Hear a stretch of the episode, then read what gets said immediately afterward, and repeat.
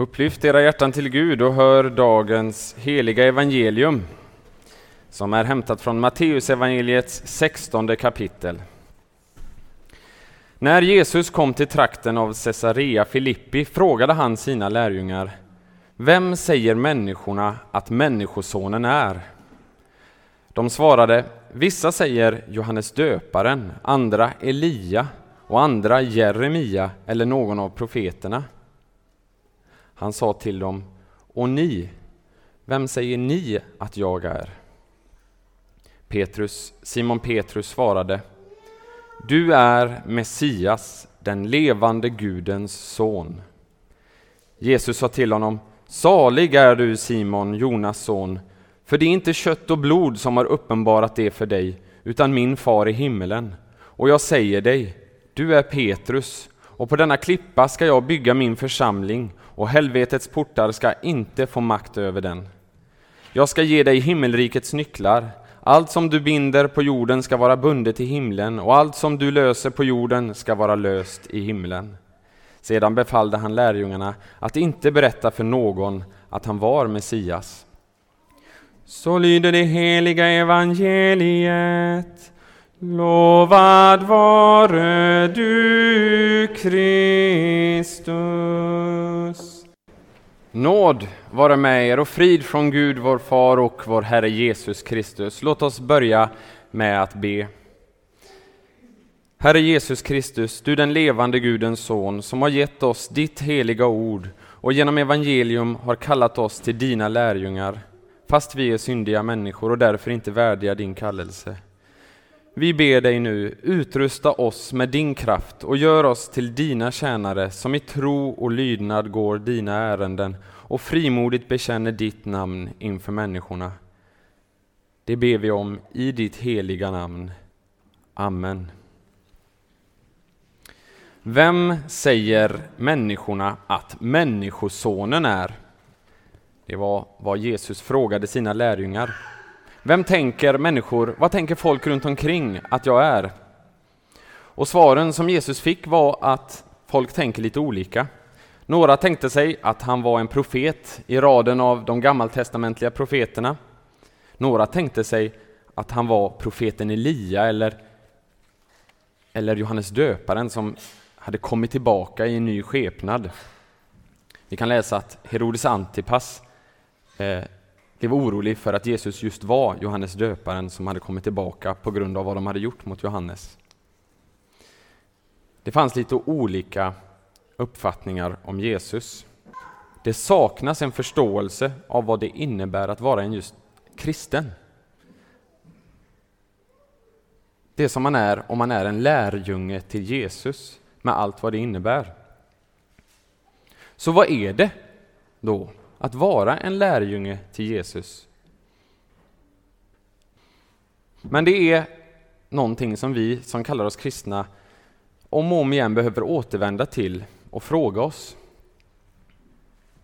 Men idag, i denna predikan, så vill jag åtminstone lyfta tre saker med anledning av alla tre texter som vi har i dagens, i, idag, då temat är lärjungaskap. Vi ska tala lite om vad det innebär att vara en lärjunge. Och det är som sagt tre saker jag vill lyfta upp. Jag vill lyfta upp grunden, uppgiften och löftet i det kristna lärjungaskapet. Grunden, uppgiften och löftet i det kristna lärjungaskapet. Så för det första, grunden för kristet lärjungaskap. Och ni, vem säger ni att jag är? Simon Petrus svarade, du är Messias, den levande Gudens son. Gud har skapat alla människor. Och Gud kallar alla människor tillbaka till sig. Gud har återlöst alla människor genom sin korsdöd. Men alla människor är inte lärjungar till Jesus. Människor i västvärlden idag känner i allmänhet till något om Jesus. Man vet åtminstone att han var den som grundade kristendomen, ungefär som man vet att Muhammed grundade islam och Buddha buddhismen.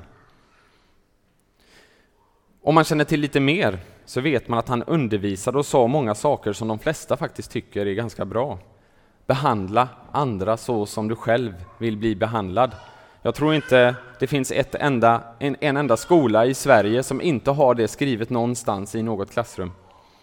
Behandla andra som du själv vill bli behandlad. Det känner man till. Möjligtvis känner man till att Jesus också umgicks med utstötta människor, fattiga, och att han ofta kritiserade dem som hade en upphöjd position i samhället. På detta sätt så har alla en relation till Jesus. De relaterar till honom på ett eller annat sätt. De har en relation till Jesus, men de är inte lärjungar. För att vara en lärjunge så behövs det en samhörighet med Jesus, att man hör samman med honom.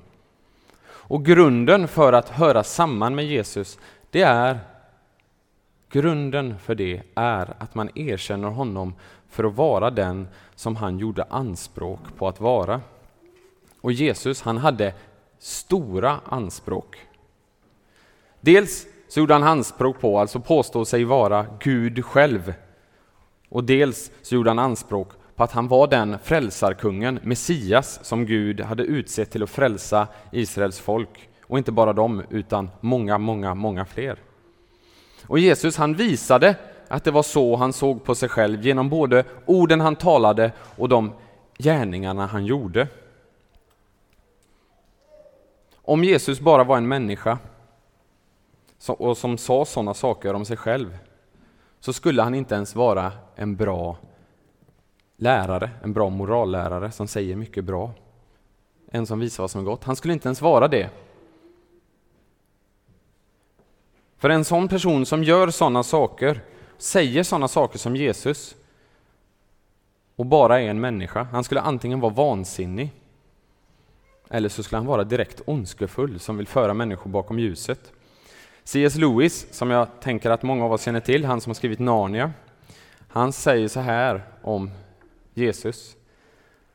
Antingen var och är den här mannen Guds son, eller så var han en galning, eller något ännu värre. Man kan spärra in honom som en dåre, man kan spotta på honom och döda honom som en demon, eller man kan falla ner för hans fötter och kalla honom Herre och Gud. Men kom inte, säger C.S. Lewis, med några överslätande dumheter om att han skulle ha varit en stor mänsklig lärare. Han lämnade inte den möjligheten öppen. Det var inte hans avsikt att den skulle vara öppen. Om man har en annan syn på Jesus än den han själv menade sig ha, så har man gjort Jesus till en avgud. Det låter konstigt. Men om man har en annan syn på Jesus än den syn som Jesus hade på sig själv, så är den Jesusen som man så att säga har en bild av, en avgud. Det finns inget som är viktigare för ett kristet lärjungaskap än en sund, tydlig och sann bild av den verklige Jesus. Och samtidigt så är det inte så lätt. I dagens evangelietext så kan man riktigt höra hur glad och uppspelt Jesus blev över eh, det svar som Petrus gav. Salig är du Simon Petrus, eller Simon Jonas son. För det är inte kött och blod som uppenbarat det för dig, utan det är min far i himmelen. Denna förståelse av vem Jesus verkligen är, det är inget som vi själva kan förstå eller tänka oss fram till. Det är alldeles för konstigt för alla människor, faktiskt också för oss, att tänka sig att den fattige, till synes helt vanlige judiska hantverkarsonen från Nasaret är den levande Gudens son, är den segerrike Messias som Gud sedan länge hade lovat skulle komma.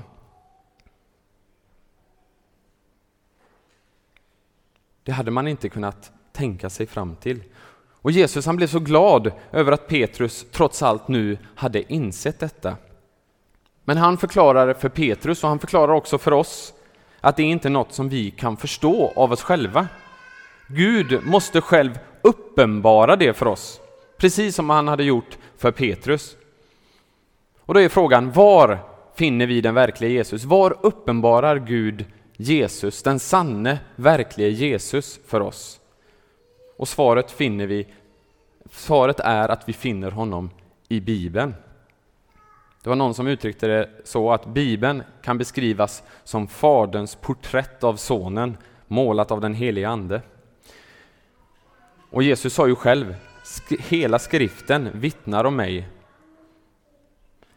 Hieronymus, som var en av de tidigaste kyrkofäderna, han sa okunskap om skriften är okunskap om Kristus. Och på samma sätt så kan vi säga omvänt, att kunskap om skriften, det är kunskap om den verklige Kristus. Om vi som är här idag vill vara verkliga lärjungar till Jesus så måste vi ständigt få låta Fadern uppenbara honom för oss. Och det gör han genom Bibeln.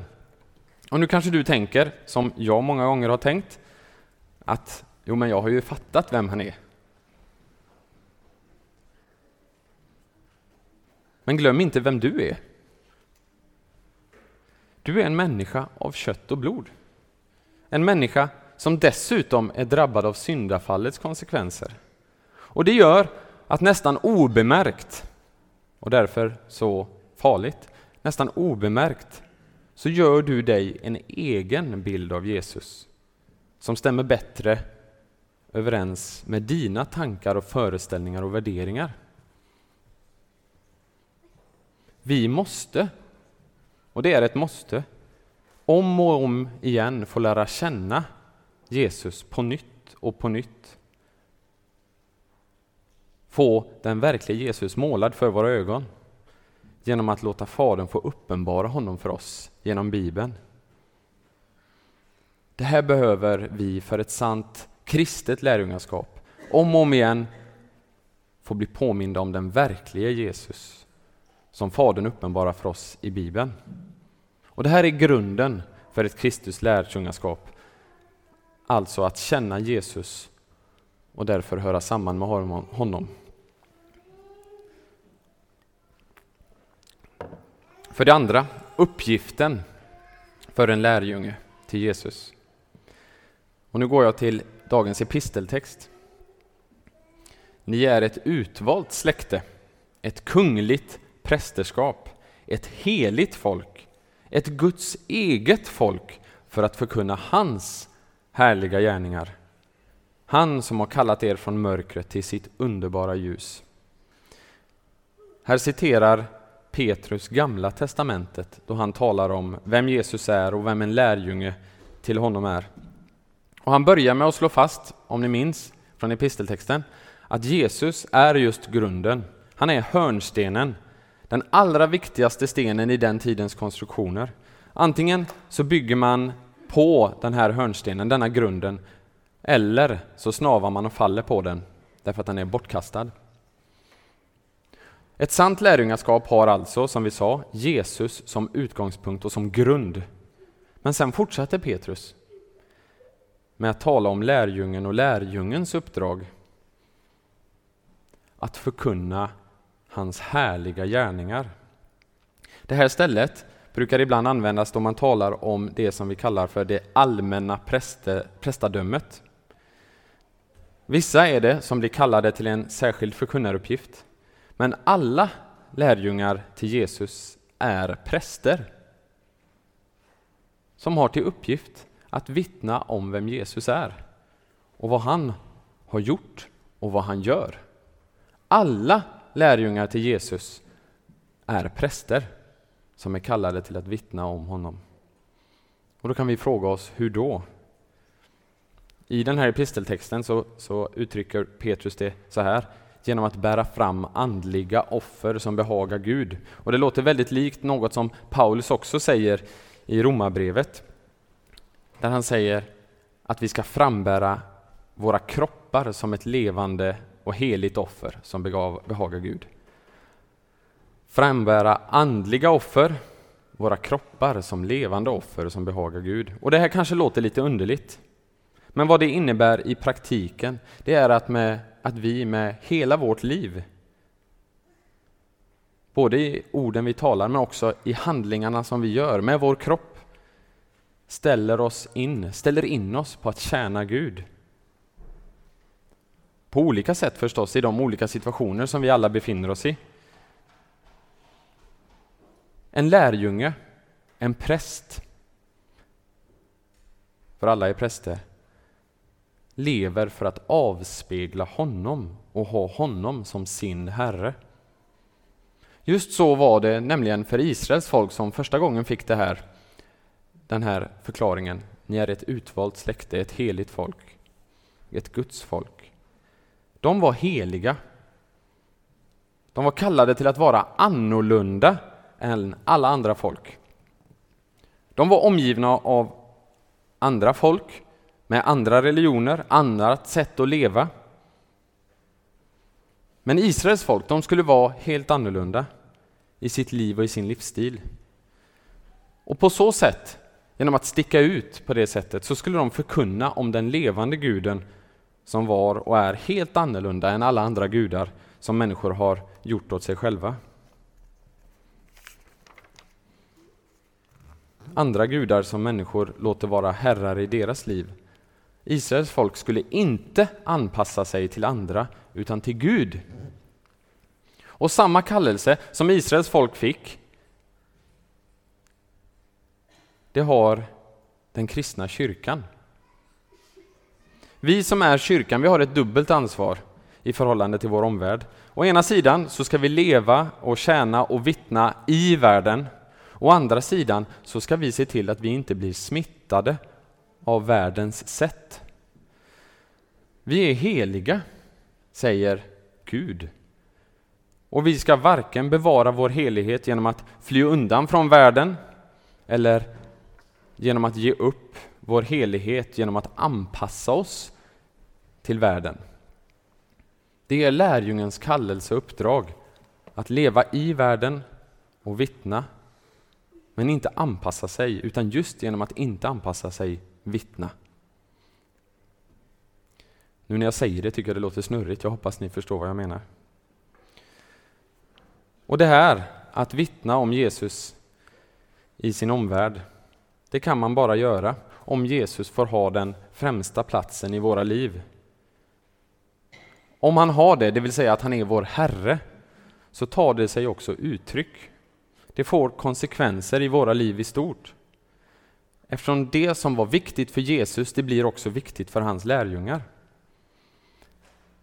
Det är inte det omgivande samhällets värderingar som driver en lärjunge. Utan det är Jesus själv och hans vilja som driver en lärjunge. Vi som idag utger oss för att vara lärjungar, att vara hans lärjungar, vi ska inte vi är inte kallade att på nytt förarga honom så att han än en gång får utbrista som han gjorde mot sina lärjungar då. Varför kallar ni mig Herre, Herre, när ni inte gör vad jag säger?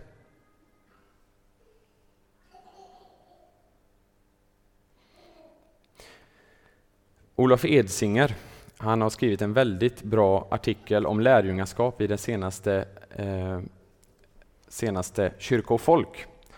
Så ni som har den, jag rekommenderar att ni läser den. Och ni som inte har den, jag rekommenderar att ni skaffar kyrkofolk. När vi hör ordet kristna värderingar så tror jag att de flesta av oss kanske tänker på de frågorna som idag är, en upp, är i sån här uppenbar kollisionskurs med, med det omgivande samhället och den kristna tron. Och I synnerhet när vi tänker på kristna värderingar så tänker vi kanske på frågan om livets värde, där samhällets inställning till abort och, och dödshjälp eller sexualitet och äktenskap att det är frågor där de kristna värderingarna ska synas och syns tydligast. För det är frågor där det omgivande samhällets värderingar ligger långt ifrån de kristna värderingarna. Och vi gör rätt i om vi står upp för Jesus syn på de här sakerna. Och jag vill tro att de flesta av oss som är här också gör det. Men ibland så kan det kännas som att många som kallar sig kristna använder sig av de rätta åsikterna i kontroversfrågorna som ett alibi för att inte också pröva sig inför andra värderingar som världen vill ge oss? Jag har ju rätt åsikt i de här frågorna. Det finns värderingar som världen vill ge oss som förvisso kanske ger oss ett bekvämare liv, men som också sakta kan omforma oss. Och Bibelns författare de är tydliga med att det finns mycket i världen som inte är förenligt med ett sant lärjungaskap. I Hebreerbrevets andra kapitel så står det Därför måste vi så mycket mer ta vara på det vi har hört i skriften, så att vi inte driver bort med strömmen. Om någon av er någon gång har badat i en, eh, på ett ställe där det är strömt så vet ni att man känner inte alltid av den. Och så helt plötsligt när man tittar mot land så märker man att man har blivit förd till en annan plats. Senast det hände mig var uppe i Vännäs i, i den här eh, älven. Strömmen kan vara omärklig, men du kan just omärkligt följa den. I Romarbrevet skriver Paulus Anpassa er inte efter den här världen utan låt er förvandlas genom förnyelsen av ert sinne så att ni kan pröva vad som är Guds vilja, det som är gott och fullkomligt och behaga Gud. Lite tillspetsat så kanske vi kan fråga oss så här. Är det helt självklart att ett sant lärjungaskap till Jesus går att förena med det som ibland kallas för ett Svenssonliv? Är villa, Volvo och vovve ett naturligt och fullt förenligt resultat av att Jesus är min Herre? Eller är det andra herrar som har fört mig till det eller på väg till det? Jag säger inte nu, får jag slå fast, att det inte är förenligt, att det är en motsättning. Men jag säger att vi som kallar oss kristna måste ställa oss den här frågan. Är jag en Jesu lärjunge på det sättet att min främsta identitet ligger i att jag är ett Guds barn och att Jesus är min Herre? Eller är det något annat än Jesus som får styra mitt liv? Som får styra mina prioriteringar av min tid, av min kraft och av mina pengar? Är det något annat som vi vänder oss till för att veta hur vi ska använda vår tid, vår kraft och vår ekonomi? Är det något annat som driver oss framåt? Vittnar jag om att jag tillhör Jesus? Eller vittnar jag om att jag tillhör tidsandan och världen? Och om jag skulle komma fram till att det är så att jag vittnar om att jag tillhör tidsandan och världen, men vill vara en lärjunge, är jag då beredd att som Jesus säger ta mitt kors och mista mitt liv som jag har planerat åt mig själv? Genom att följa Jesus och gå mot strömmen. Vårt uppdrag som lärjungar är alltså att finnas i världen, men inte vara av världen. Vårt uppdrag som lärjungar är att genom våra ord och våra handlingar representera Jesus och vara hans ambassadörer. Ta honom som exempel, han som inte såg sin tillvaro som Gud, som ett segerbyte som det står, som att någonting han skulle hålla fast vid, utan utgav sig själv för vår skull och blev lydig ända till döden på korset.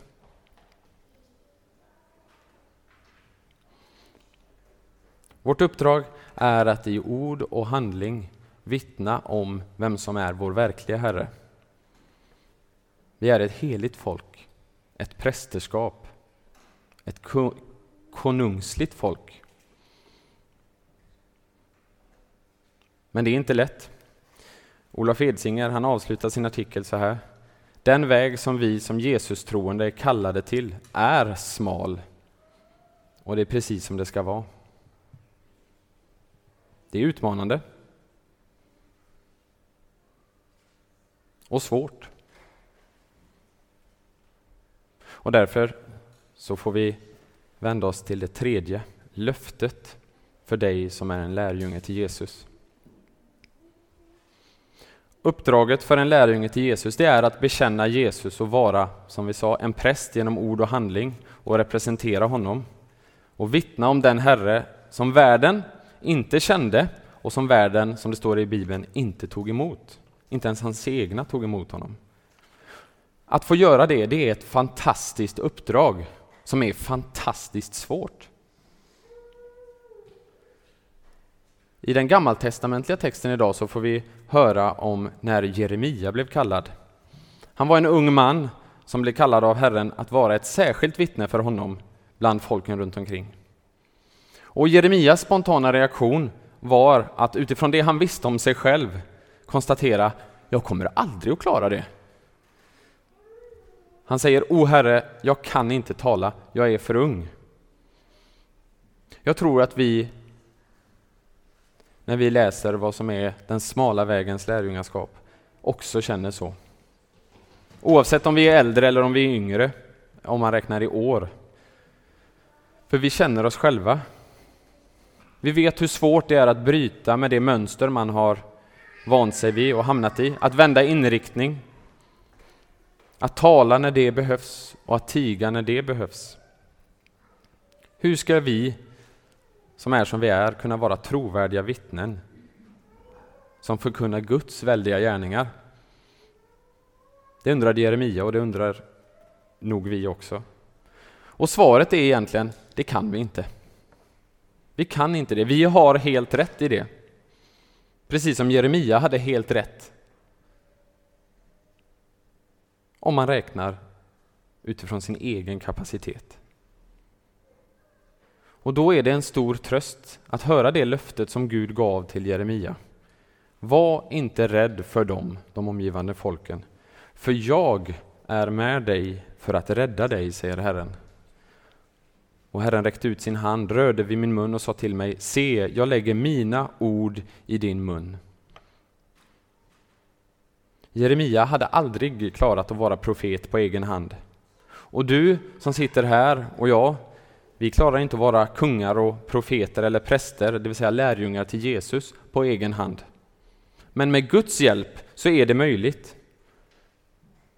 Om vi låter, oss, om vi låter honom få verka i och genom oss. Och Det kan vara jobbigt att behöva höra att man behöver förtrösta på något annat eller någon annan än sig själv. Man kan vara rädd för att det kommer ändå bli fel. Och när det blir det, så, och även om det skulle bli rätt, så känns det som att man förlorar sin, jag vet inte, värdighet eller status i samhället inför andra. Vi vill så gärna ha kontrollen över hur vi uppfattas. Men i lärjungaskapet, den smala vägen, så har vi inget val. Vi behöver förtrösta på Gud om det ska bli något verkligt av det. Och Jesus är ju ett fantastiskt exempel för oss. Han var en som under en tid verkligen fick förtrösta på någon annan. Han föddes som ett spädbarn, helt och hållet beroende av sin mammas omsorg. Han behövde få mat, han behövde bli bytt på.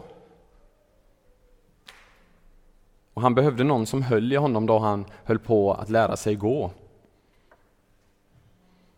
Och i slutet när han går mot Golgata så behöver han hjälp att bära det korset som han skulle hängas upp på. Och när han hänger på korset så behöver han återigen hjälp, är beroende av andra för att få något att dricka då han är törstig.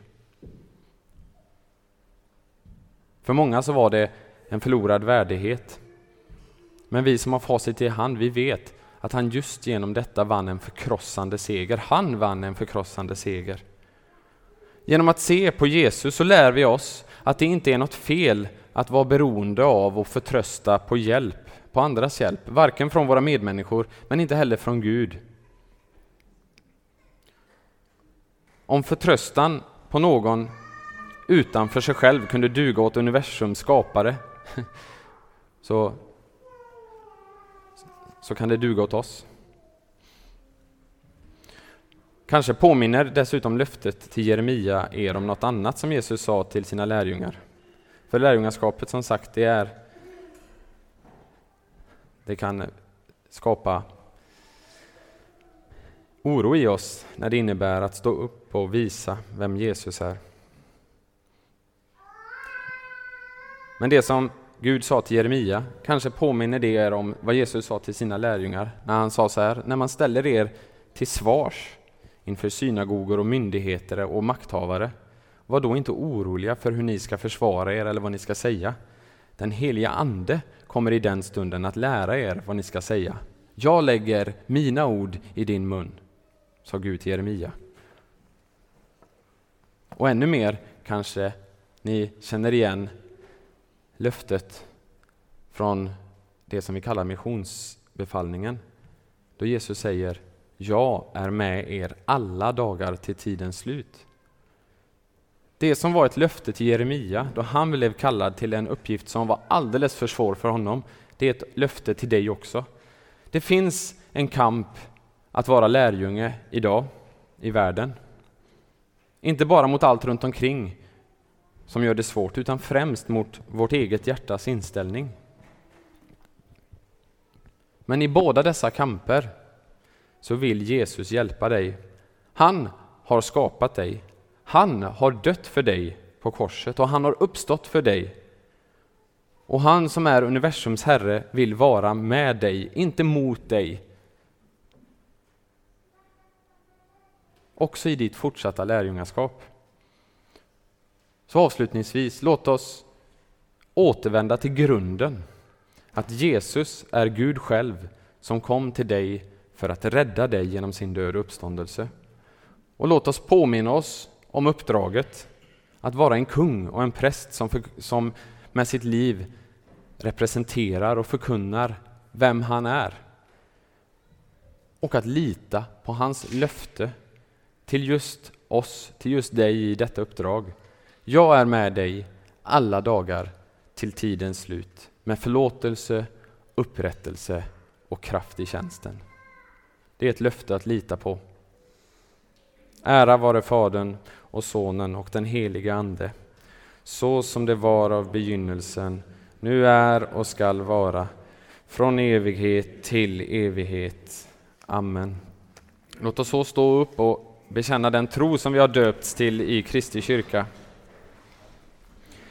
Vi tror på Gud Fader allsmäktig, himmelens och jordens skapare. Vi tror och på Jesus Kristus, hans enfödde Son, vår Herre, vilken är avlad av den helige Ande, född av jungfrun Maria, pinad under Pontius Pilatus, korsfäst, död och begraven, nederstigen till dödsriket, på tredje dagen uppstånden igen ifrån de döda, uppstigen till himmelen, sittande på allsmäktig Gud Faders högra sida, därifrån igenkommande till att döma levande och döda. Vi tror också på den heliga Ande, en helig allmännelig kyrka, det heliga samfund, syndernas förlåtelse, kroppens uppståndelse och ett evigt liv. Amen.